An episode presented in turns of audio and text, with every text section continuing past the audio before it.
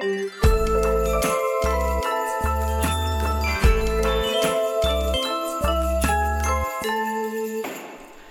og hjertelig velkommen til nok en episode av Takk og lov. En podkast for deg som vil skjønne litt mer av hvordan jussen, eller kanskje også juristene, egentlig henger sammen. Nå er det lenge siden vi har vært sammen, kjære lytter, og jeg håper du har hatt en rimelig god høst tross pandemi og smitteverntiltak og mørketid. For jammen ser det ut til at det blir en slags jul i år også. Og da er det jo om å gjøre å finne gaver som både driver verden og økonomien fremover, og likevel ikke ødelegger miljøet. Hva da bedre enn en podkast julespesial, spør du kanskje? Og takk og lov for at du spør så klokt, ikke bare har du rett, du får akkurat det du ønsket deg. Dagens tema er klarspråk i jussen. Det gleder jeg meg stort til. Jeg har vært litt over gjennomsnittet opptatt av språk siden jeg var liten. Og ikke minst siden jeg la meg ut med min ellers utmerkede norsklærer på videregående, fordi jeg insisterte på å skrive riksmål inni de særeste etterlevningene av samnorsken som fremdeles plaget ordlistene våre på den tiden. Hvis du hører på dette, Sigrid, tusen takk for kampen. Også for den. Du var en fantastisk lærer. Hvor var vi? Jo, klarspråk. Um, jeg har alltid stusset litt på det begrepet. Hvor kom det fra? Trengte man et så lite brukt ord for å beskrive hva som skulle til for å uttrykke seg forståelig for dem Trygve Slagsvold Vedum kaller folk flest? Det er litt pussig. Nu vel, poenget er altså det kan neppe benektes at det har formodningen for seg at vi vinkelskrivere av noen paragrafridende prokuratorjurister under tiden ikke gjør oss fullt så enkelt og lettfattelig forstått som det vi kanskje kunne håpet. Det gjelder både universitetsjurister, advokater og dommere. Og det er jo litt dumt, da, når de fleste av oss er avhengig av å forstå, eller altså tyde oss frem til, hva juristene prøver å fortelle. For rettsstaten beror jo på at vi skjønner de reglene som gjelder oss, sånn noenlunde iallfall. Med meg til å klargjøre språket i domstolene, så har jeg fått en vaskeekte dommer fra Borgarting. Mette Jensen, du er ikke bare lagdommer, du er lagmann som ikke er blitt lag... Eller lagvin, lagperson? Lagleder? Hva, hva foretrekker du? Altså, dette er viktig for oss lagmenn. Vi vil gjerne være lagmenn. Ah, dette er musikk i mine ører. Ja, ja, ja. Dette er uh, Uten at jeg kan denne historien godt, så er dette noe tradisjonsrikt gammelt fra Det går sikkert mange hundre år tilbake, det er jeg helt sikker på. Det, det høres sånn ut.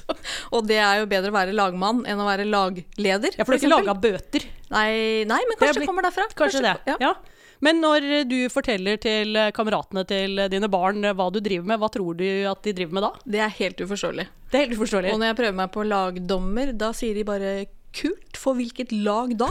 ja, nettopp. Ja. Ja.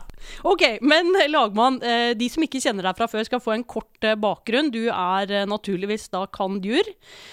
Du har jobbet i Justisdepartementets lovavdeling. Du har vært domfullmektig i Nedre Romerike tingrett. advokat har du vært i Wiersholm. Eh, og eh, så har du da vært i Borgarting eh, som lagdommer og lagmann, da. Nå, ja. Fra 2017, tror jeg. Ja. Eh, og ved siden av den dømmende virksomheten så er du sterkt engasjert i arbeidet med kompetanseutvikling i domstolene. Eh, ikke minst spørsmål om domskriving og dommernes bruk av et skriftlig språk som er forståelig for alle. Det stemmer. Og det hender jo at det ikke er så forståelig som man skulle ønske seg, da. Eh, skal, vi skal komme tilbake til det, hvordan dere har jobbet med disse språk... Hva skal vi si? Utfordringene. um, men før det så har vi jo alltid prøver å anskueliggjøre gjesten vår for lytterne våre ved et såkalt artig faktum, eller en fun fact, som det heter på nynorsk. Uh, og det vi har fått oppgitt om deg, det er at du er sitat rav spike sportsgal. Kan du utdype hva denne sportsgalskapen går ut på? Ja, altså Jeg er for det første født inn i en fullstendig idrettsgal familie. Det startet vel sikkert eh, der. Jeg var på min første fotballkamp. Da tror jeg var eh, seks-syv dager gammel. Faren min spilte. Jeg er opptatt av alt, rett og slett. Jeg elsker eh, store idrettsprestasjoner. Det er det beste jeg vet. Det er alt fra langrenn og skiskyting til curling og sjakk og golf, ikke minst. Viktor Hovland golf, altså. Nettopp. Um, så dette arter seg på litt sånn ulikt uh, vis. Hender det at retten må ta en pause for å gå ut og sjekke resultatene? Det hender at retten må ta litt lange lunsjpauser hvis det foregår uh, noe på en torsdag eller fredag, særlig når det Ja. Et veldig menneskelig trekk dette for oss jurister. Så det er vel, en, det er vel bare én ting faktisk som er viktigere for norske borgere enn juss, og det er sport. Ja, og det, ungene mine syns dette blir veldig pinlig. En ting er når jeg står hjemme og hopper i sofaen og når de skyter på TV og sånn. Eh, Det er litt verre når dette idrettshysteriet da slippes løs i sosiale sammenhenger, for det gjør det av og til. Eh, og de, de gremmes når jeg forteller om at jeg kastet meg over Vebjørn Rodal, som jeg fant i et bryllup tilfeldigvis. Eh, og Det var ikke Jan Åker. Eh, Nei. det var veldig Og jeg bare så han og tenkte bare jeg må, jeg må snakke med han. Og kastet meg på han. Jeg måtte jo bare fortelle han at jeg var der. Ja. Vet du hvor jeg var? Nei. Nei. På Det Han skjønte det med en gang. Var du der, sa han. Ja. Jeg var på stadion i Atlanta når han vant olympisk gullmedalje på 800 meter. Dette var det verdt å overfalle ham for. Jeg, jeg syns helt det. Jeg syns det. Ja, det må barna dine bare forstå. det eneste formildende var at jeg ikke ba om selfie. Da tror jeg de hadde daua. Men det gjorde jeg ikke. Man er ikke voksen før man slutter å være flau over sine foreldre, var det noen som sa til meg en gang. Jeg jeg har ennå ikke blitt voksen. Um, vel, vi skal videre til dagens tema, eh, som da ikke egentlig er sport, men som for så vidt har det til felles med sport at eh, det må formidles på en forståelig måte. Kan du fortelle litt om arbeidet med eh, språk og språkbevissthet i domstolene? Ja, eh, det ble satt i gang et prosjekt i regi av Domstoladministrasjonen, som er vår administrative overbygning. Eh, De ønsket at vi skulle lage en arbeidsgruppe eh, hvor målet var å lage rett og slett noen anbefalinger om domskriving. Og bakgrunnen for det var selvfølgelig ikke overraskende at det er kan være utfordrende å lese og forstå hva som står i norske dommer. Ja, og det er Eh, jo litt sånn, eh, sånn bare basic, det skal det jo ikke være. Fordi hele poenget med en dom, det er jo at den skal være begrunnet på en måte som ikke bare partene forstår, men også alle andre som er i samme type konflikt, kanskje, og er grubler på de samme type regler. Ja, jeg tenker jo at um, um Jeg er såpass prinsipiell at jeg sier at når Grunnloven faktisk pålegger oss å dømme, så ligger det i det en plikt for dommerne til å dømme på en måte som gjør at de som blir dømt, faktisk forstår hva vi mener når vi dømmer dem. De må forstå en, en eh, som blir dømt eh, til straff for å ha gjort et eller annet galt. Han må forstå hvorfor han blir dømt, og han må forstå konsekvensene av at han blir dømt. Og i en sivil tvist så er det jo viktig at partene på en måte får en forsikring om at dommeren har forstått øh, det de har argumentert med, og at de forstår hva vi mener at utfallet skal være. Det er ganske grunnleggende. Enhver som har møtt en treåring, og noen av de treårene- treåringene forblir jo på det stadiet akkurat når det gjelder det resten av livet. Hvorfor det, spør de. Hvorfor det? Hvorfor det? De må ha grunnen til at det ble sånn. Og da, da er det jo viktig at uh, vi tok en Altså målet med denne, denne arbeidsgruppens arbeid var jo å gjøre en litt sånn uh, sjelegranskning. Og se hvor er det skoen trykker. Hva er det vi ikke er flinke nok uh, til?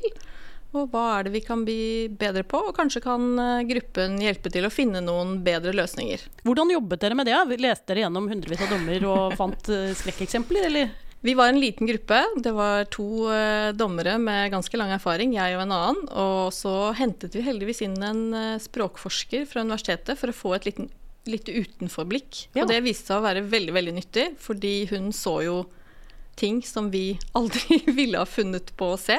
Og det illustrerer vel egentlig kanskje et av de største aha-opplevelsene, en av de største aha-opplevelsene vi hadde. Eh, og det var jo at vi er blitt så blinde for hva som kan være vanskelig for andre enn jurister, at vi ser det rett og slett ikke. Vi trenger litt hjelp. vi skriver primært for hverandre, vi. Vi gjør det. Ja. Og det er kanskje ikke så rart for dommere, fordi dommere lærer seg å skrive dommer og se på gamle dommer. Og sånn går det i en sånn pen sirkel Ja, rundt hvis man ikke bryter. Studentene mine oppfordres til å lese de dommene, og begynner å skrive sånn de også. De kommer kanskje glade og kreative ut fra videregående med litterære egenskaper, og som de får filt av seg gjennom jusstudiet. Ja.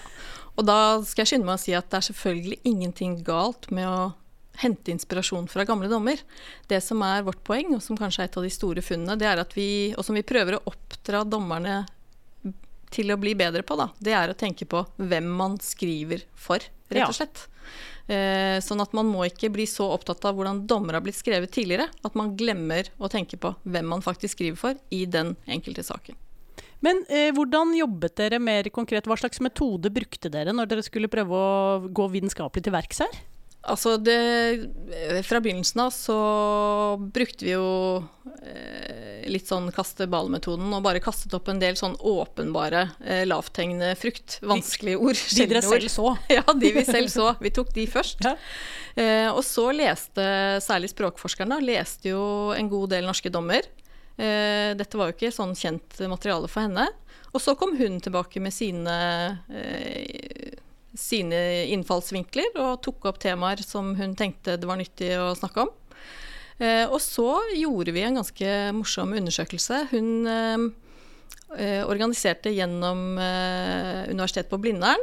Nå husker jeg ikke hva det studiet heter. Heter det Lingvistikk, kanskje? Ja, det er nordisk. Nordisk, ja. Ja. Eh, veldig flinke mennesker, Ja. uansett. Eh, de eh, tok rett og slett og lagde en base over det vi kaller, eh, kan kalle det norske domsspråket. De matet eh, masse årganger av rettens gang og, og rettstidene inn i en eh, database. Dette er gøy. Ja, Nå så jeg for meg alle de gamle bøkene fly inn i en sånn, en sånn sort boks, og så kom det ut noe. Helt riktig. Ja. Og så sammenlignet hun det med altså hun og hennes studenter da, sammenlignet det med en base de har liggende på universitetet, eh, som dokumenterer det norske allmennspråket. Som tatt i aviser og på ja, Magasiner og, og fagbøker Ja, ja, og en del sånn, som er matet inn i denne basen, som holdes oppdatert. da. Ja, Og så sammenlignet vi. Fikk ut en del sånne frekvenslister. Okay. Og da var det jo, eh, da var det jo tid for eh, erkjennelse, altså. For da kom det jo ut eh, lister som viste mange ord og uttrykk som vi bruker mye i dommer, som rett og slett brukes ganske sjelden i det alminnelige språket. Og all språkforskning, en sånn grunnlegge, grunnleggende regel i all språkforskning, det er at jo sjeldnere et ord er i bruk, jo vanskeligere syns folk det er å forstå. Ja. Eh, Og var dette fremmedord, eller var det vanlige norske ord som bare ikke brukes ofte? Det var begge deler. Ja. Eh, det er en god del eh, eh, ord som eh, i og for seg ikke er så fremmede. Du, jeg kan f.eks. spørre deg, vet du hva den eh, mest, mest brukte treordskombinasjonen i norske dommer er? Eh, tre Ja. Um, De tre ordene som står hyppigst etter hverandre, det kunne vi måle. Og den eh, jeg er kommet til Nei, det vent da, det er fire. Snipp, snapp, snute. Det er Mm. ikke dommer, det er sånn annen sjanger. Nei, hva er det? Det er ganske alminnelige ord, og det er kombinasjonen legge til grunn. Ja. Ja, vi legger til grunn. Det er bare vi jurister som legger ting til grunn. Vi legger det, og det gjør vi veldig, veldig, veldig ofte. Det er jo veldig praktisk. Ja, veldig praktisk. Eh, problemet er vel kanskje at eh, mm, vi, ha, vi er nok ikke helt det, går- det har gått inflasjon i den eh, kombinasjonen. Så vi bruker det rett og slett i hytt og gevær. Ja. sånn at, og vi er ikke helt Hvor, konsekvente. hvordan er det vi bruker det? For når jeg tenker meg om, så Hvis jeg legger noe til grunn, så er det at jeg, jeg kan anta noe som et slags premiss. Ja. Eh, da, det tror jeg er sånn jeg bruker det i dagligspråk, i hvert fall. Nå er jo ikke jeg i dagligspråk, da, for jeg er jurist, så jeg er sikkert liksom skadet på en er eller annen måte. Falt i gryta som liten. Men, men hvordan er det man bruker Bruker man det konsekvent som et premiss for noe, eller en antagelse om noe, eller? Altså det brukes, eh, altså vi bruker det f.eks. i domstolene da, etter at vi har foretatt en bevisvurdering i en konkret sak. ikke sant? Vi Og hva har man har kommet frem til etter bevisvurderingen? Nettopp. Ja, ja. Da legger man til grunn som bevist, liksom? Nettopp. Ja. Og så kan vi jo legge faktum uprøvd til grunn. Vi bare legger til grunn uten å foreta noen bevisvurdering i forkant. Ja, um, ja det, er, det er sånne vitterlige kjensgjerninger, det da. For eksempel, Ja. altså ting som bare alle er enige om i saken, som vi bare legger til grunn. ja. Og så legger vi jo til grunn masse rettssetninger og tolkninger og, oh, ja, så det og på sånn jussen også. Mm. Eh, det, Her er det Jeg legger til grunn at det foreligger et krav om årsakssammenheng, Ja. kan man si. Ja. Okay. Så vi bruker det hele tiden. Ja, vi strør eh, rundt oss med legge til grunn. Og som sagt, det, det er jo tre fine norske ord som det ikke er noe grunn til å ha noe hatforhold til, men vi må der er beskjeden til dommerne at vi må rett og slett tenke oss litt bedre om. Litt og være litt mer konsekvent. Sånn at blir, leseren blir utrygg på hvor vi er nå. Ja. Mm. Og det blir litt sånn hvilepute også. Ja, Eh, det blir jo et sånn fint ord som vi bare kan fylle på med. Da. Det Ja, gjør vi hele tiden. Barna, det, Kidsa sier liksom, eller hva det er de sier, eller lol. eh, og vi sier legg til grunn. Barna mine de sier 'legg til grunn. ja, barna dine sier selvfølgelig legg til grunn. det er veldig bra. Er det, andre, er det andre ord som er egentlig vanlige, som vi bruker på en annen måte? Ja, eh, språkforskeren hun eh, kom tilbake eh, og ville gjerne snakke med oss i, i et møte, eller flere møter. Hun prøvde stadig vekk å komme tilbake til gjøre gjeldende. Ja. Eh, og vi dom... Ja. Hvordan er det vi bruker det? Vi, vi gjør gjeldende at Hva er det vi gjør gjeldende? Vi anfører noe, vi gjør vi ikke det? Når vi gjør gjeldende. I gamle dager så skrev man jo i norske dommer at uh, advokat sånn og sånn har anført og anført, og anført er jo et fullstendig utdatert ord som ingen andre forstår hva betyr. Så det har vi klart faktisk ganske mye å slutte å Men hva bruke. sier man istedenfor anført? da? Da? Gjøre gjeldende. har vi Og det er da vi sier sier gjeldende? Ja, ja, ja. For det blir klarere.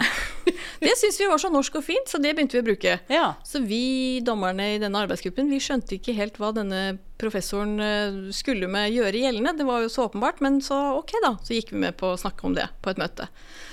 Og da hadde jo hun lest masse dommer og kommet over dette hele tiden, og vi snakket med henne i 45 minutter før vi forsto at hun forsto ikke fortsatt hva vi mente med det. Og Selv da- om dere hadde gjort det gjeldende? ja. Nei, ja, ja, og da fortalte hun, og når du tenker over det, så er jo det helt logisk, hun fortalte at fra gamle dager, altså gammel norsk språk, så betyr det å gjøre noe gjeldende, det betyr at en person som har makt, bestemmer hvordan noe skal være, gjør gjeldende, bestemmer at sånn skal det være. Loven trer i kraft, liksom? Ja. Kongen signerer? Kongen befaler, det er sånn, sånn skal det være. okay. Mens vi bruker det jo helt omvendt. Vi bruker det jo om noe partene i en sak som krangler. ikke sant? Noe den ene gjør gjeldende, og den andre gjør gjeldende. Og de argumenterer på en måte på hver sin side. Så um, det var et sånt eh, krasj eh, på Det er jo veldig Det, er, det minte meg bare om en episode da jeg var dommerfullmektig en gang. For da var det Det hender jo i sånne tilståelsessaker så var det et rettsvitne. Eh, og vedkommende var klar til å tilstå det han hadde gjort, men han eh, ville bare opponere mot én ting, og det var det rettsvitnet. For hun, han hadde ikke sett henne der. ja, nei, så det er sånne litt uforståelige ord. Men en annen ting som jeg har lurt på, det husker jeg drev Det syns jeg var en ganske fin ting da jeg var dommerfullmektig, var man kunne finne ting. Ja. Og det sa språkforskeren også på et av de første måtene våre. Hva er det dere driver og finner hele tiden? Det syns hun var helt uforståelig. At vi skulle hele tiden finne ting. Det var Retten finner. ulogisk. Ja. Ja, hva er det retten finner? Nei, det er jo når vi har kommet til noe, da, så sier vi det. Eh, retten finner at Jeg vet ikke om det Jeg aner ikke hvorfor det har blitt sånn. Dette er jo et godt eksempel på vi, hvordan vi skriver noe som eh, vi har sett andre skrive før oss. Ja, for jeg tror jeg brukte det som en sånn Det var egentlig veldig sånn OK, nå har jeg vurdert pro og kontra. Jeg trenger ikke å konkludere, nå kan jeg bare finne. Ja. Ja. Og det er jo egentlig er. Når man tenker over det, så er det ikke bra. Nei. Så det prøver vi også å komme bort eh, fra. Så jeg underviser, når jeg underviser, så sier jeg retten har kommet til. Det er bedre. Ja. Og det, det gjør jo det. Det er jo dommer Jeg har lest dommer hvor det står det isteden nå. Ja senere tid. De, ja, ja, ja, dommere de tar til seg, skjønner du. Ja, de gjør det. Ja. Men hvordan jobber dere med dommerne, da? For det er de eh, Vi er jo litt konservative som gruppe jurister av og til. Bitte Eh, litt. Og så vil vi Vi har i grunnen eh, ikke så stor respekt for andre typer normer enn de som kommer fra Stortinget, og knapt nok dem.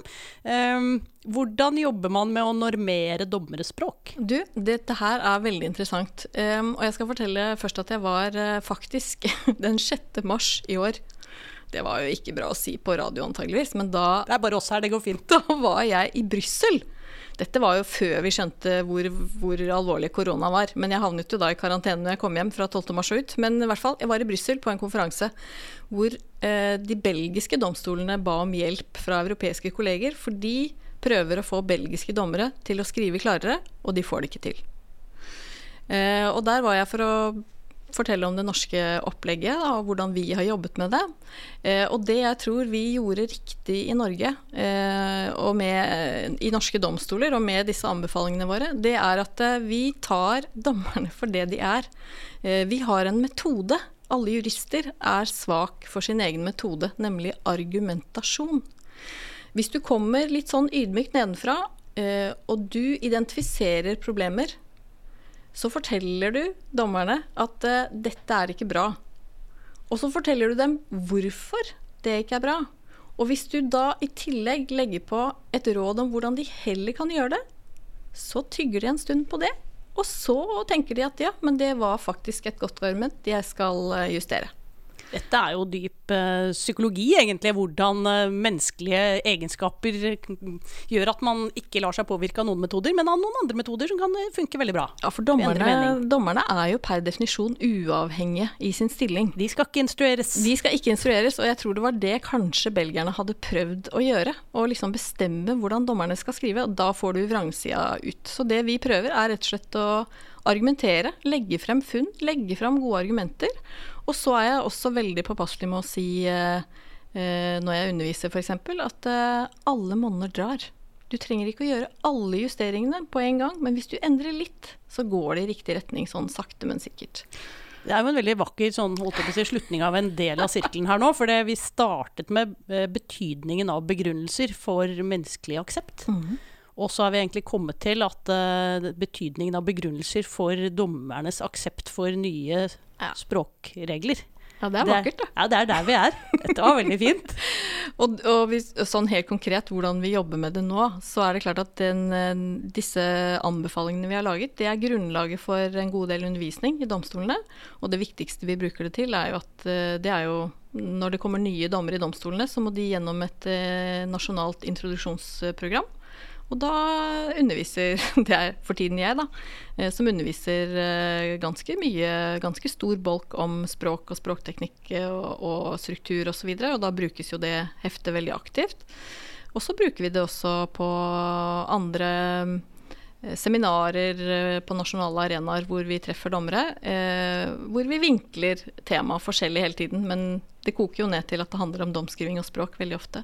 Så nå for et års tid siden så hadde vi et nasjonalt dommerseminar hvor vi snakket om å skrive straffedommer spesielt. Ja. Vi har jo en, um, vi har jo en normeringsinstans, vi jurister. Mm. Høyesterett. Mm. Eh, de normerer oss når det gjelder lovtolkning, og straffeutmåling og andre ting som har med juss å gjøre. Ja. En litt artig kuriositet er at de har flere ganger uttalt at uh, språktolkning er en del av lovanvendelsen som Høyesterett fullt ut kan prøve. Det er egentlig bare et prosessuelt poeng, for det gjør at uh, Høyesterett kan overprøve tolkning av ytringer som kan være straffbare, f.eks. Hatefulle ytringer, ærekrenkelser og andre ting. Mm. Nå er ikke ærekrenkelser straffbart mer, men likevel. Um, men det er jo egentlig en litt sånn interessant konstruksjon som man er eh, til dels bevisst på, men ikke helt bevisst på. For det, hvis vi løfter oss litt ut, så er jo språknormer De eksisterer helt uavhengig av jussen. Mm. Og Høyesterett har ikke noe mandat til å fastsette de språknormene. Nei. Uh, sånn at den konstruksjonen har noen litt trøblete sider. Men uh, hvis vi holder den utenfor, så er det allikevel sånn at vi i stor grad lar oss påvirke av, som du sa, ikke bare gamle dommer, men hvordan Høyesterett skriver. Ja. Hvor oppmerksom er Høyesterett på domskrivningsreglene som dere nå, eller retningslinjene, unnskyld, som dere nå uh, anbefaler med gode argumenter? Altså, eh, Høyesterett det er veldig fascinerende fordi eh, Og jeg kan fortelle, for å ta det siste først, at eh, de faktisk er godt i gang med sitt eget interne domskrivingsprosjekt. Hvor de også bevisstgjør seg selv internt. Det som er fascinerende med Høyesterett, det er at et av de store temaene som arbeidsgruppen min var opptatt av, det er jo, og vel kanskje det store funnet, altså sånn prinsipielt sett, det er at vi, vi har for lite fokus på hvem vi skriver for vi skriver for hverandre, som du sa i mm. stad, mm. og ikke for partene i den enkelte sak. Høyesterett prøver jo å skrive forsettskravet for lagmannsretten, ja. inntrykk men det går ikke inn. men Høyesterett eh, står jo i en særstilling, fordi de vil nok ikke uten videre være med på at de skriver først og fremst for partene, sånn som jeg lærer mine dommere i lagmannsrett og tingrett. Nei. Um, og det kan jo si at de skriver mer for rettslivet generelt, og med tanke på presedensvirkninger osv. Mm. Men det er jo litt sånn komisk, fordi nettopp av den grunn så bør Høyesterett av alle være ekstra påpasselig med å skrive enkelt og forståelig, sånn at allmennheten faktisk kan få eh, tilgang til det kloke de skriver. Ja. Så jeg tenker jo at eh, Høyesterett, selv om ikke de kanskje umiddelbart vil si at de skriver mest for partene, så bør de jo absolutt være opptatt av et eh, enkelt og klart og tydelig språk. Jeg syns jo det er en utvikling der, både på språket, men også på sånn pedagogiske virkemidler som sånn underoverskrifter og absolutt. inndelinger, og nå har vi jo fått disse avsnittene som hjelper og ja, Jeg syns de er veldig Og de tar dette veldig alvorlig, det vet jeg, og de jobber uh, godt internt med det, så de tar det absolutt på alvor. Ja, men det er godt å høre. Um, det er helt sikkert mye vi kunne gått inn i her. Eh, har du noen, er det noen sånn litt artige eksempler til slutt på type setninger eller ord vi bruker, eller som vi ikke burde bruke? Sånn skrekk- og advarseleksempler? Dommere har en tendens til å bruke en del ord som eh, de fleste vil mene er foreldet, rett og slett. Det henger igjen lenge i norsk ja, Arkaiske, vil du si? Ja, det er rett og slett utdatert. Ja, så når jeg viser Jeg har en sånn plakat uh, som jeg legger opp når jeg underviser, og når jeg legger den plakaten opp på powerpointen, så, så går det et sånn, sånn sukk gjennom forsamlingen. De blir veldig, veldig deprimert. Kan vi ikke bruke det heller, da? Er det, er det sånn? Og på den listen så står det ting som eksempel eh, altså, Her er det en ordliste, rett og slett, hvor jeg sier dette må dere bare ikke si. Dette må dere slutte med. Eh, og der står det eksempel ting som således, Under tiden? under tiden, anbringe, Ja vel. av Altså herværende, nærværende, Skyldig. herunder. Jeg er skyldig i alle de tre. Ja, nettopp. Og herunder eh, syns veldig mange det er eh, vanskelig å skille seg av med, altså. Fordi, eh, ja. Og hvorvidt. Det er også noe som eh, jurister elsker å bruke. Hvorvidt det stemmer, osv. Eh, så første gangen jeg la opp dette på et sånt nasjonalt seminar, så sa jeg dette må dere rett og slett slutte med. Og da var det en dommer som litt fortvilet rakk hånden i været, og så sa han dette blir veldig vanskelig. Jeg har begynt å snakke sånn nå, jeg. Så det er eh, Dette er en vanesak. Vi har vent oss til å skrive på en bestemt måte, og det tar faktisk ganske lang tid eh, og mye bevissthet å jobbe seg ut av det igjen. Men vi gjør så godt vi kan. Det er krevende å vende gamle hunder av med å gjøre. Ja.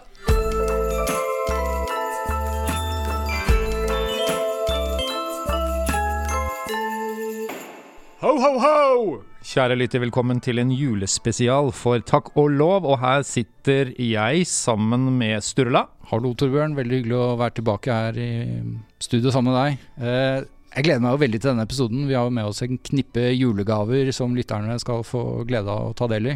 I tillegg til at du og jeg sitter jo her med litt gløgg, og, eller en liten dæsj med julegrøt i, på tallerkenen. Ja, og hva, hva kan lytterne forvente i dagens episode av Torbjørn? Altså, Klartspråk er jo veldig interessant. Og jeg tenker jo ikke minst i denne tiden som vi er i nå, der det kommer nye tiltak og retningslinjer med mer fra myndighetene, så er det jo helt avgjørende at folk forstår hva som er innhold, og hva som er budskapet i det myndighetene sier. Så Sturla, eh, har dere noe på hyllene som eh, lytterne kan fordype seg i? Ja, absolutt. Eh, jeg vil jo nesten si at hvis du skal gi deg selv en skikkelig julegave i år, så abonnerer du på juridika.no. Mm. På Juridika har du den gode juslitteraturen i form av de inngående kommentarene til lovteksten eh, som forklarer deg hvordan loven er satt sammen. eh, og som gir deg det språk du trenger for å formidle godt.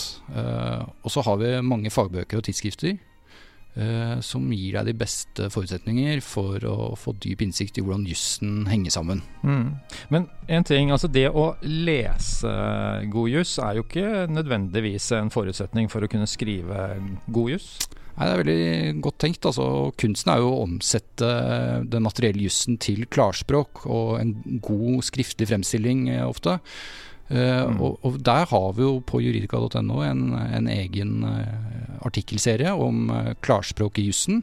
Eh, og en artikkel som jeg tror mange eh, av våre lyttere kan ha glede av å lese, er jo eh, en artikkel som heter 'Slik kan du tjene på tydeligere språk'. Ja, nettopp. Catchy. Ja, absolutt. Og vi har jo også en rekke bøker eh, som jeg vil anbefale, som er utgitt av Universitetsforlaget. 'Kunsten å skrive godt' av Åge Rognså. Eh, og de av oss som skriver enda mer faglig, eh, har vi 'Kunsten å formidle forskning', en skriveguide for fagfolk, som også er skrevet av Åge Rognså. Så det er to gode boktips som jeg tror mange kan ha glede av under juletreet i år. Mm.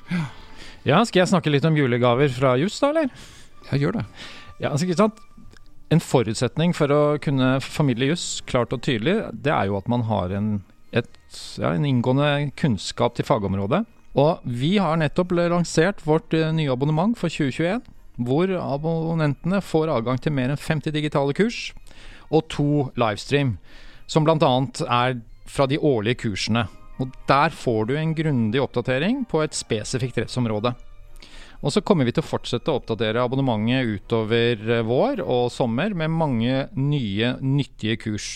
Så dette er også en ting som er god eh, som eh, en julegave. Gjør seg godt sammen med Juridika-abonnementet.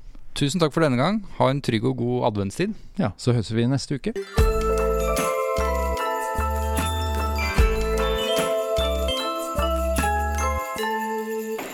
Vi pleier å invitere gjesten vår til å avrunde episoden eh, i den lille spalten Har du hørt? Eh, Hvor gjesten inviteres til å dele en eller annen litt artig historie Har du noe vi burde ha hørt? Eh, ja. Artig og artig. Jeg har i hvert fall en historie som har brente seg fast veldig tidlig i mitt eh, minne. Eh, da jeg var ganske fersk jurist, jeg var 26 år, jobbet i Lovavdelingen. Og den eh, høsten 1994 så var vi inne i det som ble kalt interimsperioden. Norge skulle jo inn i EU, så klart.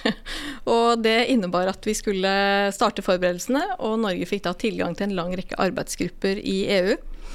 Um, og både jeg og flere kolleger i Lovavdelingen vi reiste hyppig ned um, og satt i disse gruppene, representerte norske interesser på best mulig vis.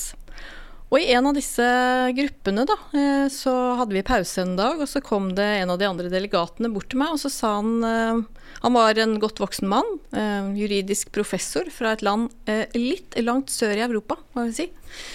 Og så smilte han, og han smilte i grunnen hele tiden mens han snakket med meg. Så smilte han, og så sa han ja, jeg har lagt merke til at det norske justisdepartementet ofte sender unge kvinner for å delta på møtene her. Ja ja, det kunne jeg jo bekrefte, og det stemte jo det. Og så sa han det må jo bety at arbeidet i det norske justisdepartementet ikke er spesielt høyt verdsatt i ditt land. Ja vel. Og så smilte han, og så gikk han. Og det tok, det tok mange, mange sekunder før det sank ned i meg hvor Hva han egentlig sa, ja. ja, hva han egentlig sa, og hvor frekk han egentlig hadde vært. Uh, og det var en sånn sjokkartet reaksjon på den, uh, den hendelsen der. Og det, det, Jeg fikk en, for det første en kraftig påminnelse rett og slett om at likestilling mellom kvinner og menn det er ikke kommet like langt uh, alle steder som i Norge. Og for det andre så innså jeg plutselig, veldig hardt og brutalt, at jeg var nødt til å jobbe dobbelt så hardt som de andre i den gruppa for i det hele tatt å bli tatt på alvor av alle. Både fordi jeg var kvinne, og fordi jeg var ung. Nå skjønner jeg ekstra godt hvorfor du syns det er så stas å ha blitt lagmann. ja. Så jeg er uh, ekstremt takknemlig for å bo i et land hvor uh, like muligheter for jenter og gutter er uh, ganske selvfølgelig nå. Det var en veldig fin måte å avrunde det jeg syns har vært en veldig hyggelig episode. og veldig innsiktsgivende. Og klargjørende, ikke minst. Klargjørende. Jeg kommer til å bli enda mer oppmerksom Eh, både på mitt eget språk og språket i de tekstene jeg eh, får til redigering. Eh, så jeg bare si tusen takk til deg for at du ville bidra i episoden vår. Og ønsker deg lykke til videre med arbeidet med å begrunne dette så godt at alle dommerkollegaer føler seg overbevist om at dette er den rette veien å gå. Ikke bare under tiden, men hele tiden. Tusen takk. Og ikke minst, tusen takk til dere lyttere. Del to av julebonusen deres utbetales til samme tid neste uke. Og jeg kan takke og love dere at vi også da får besøk av en gjest som dere ikke vil gå glipp av. Fortsatt god advent.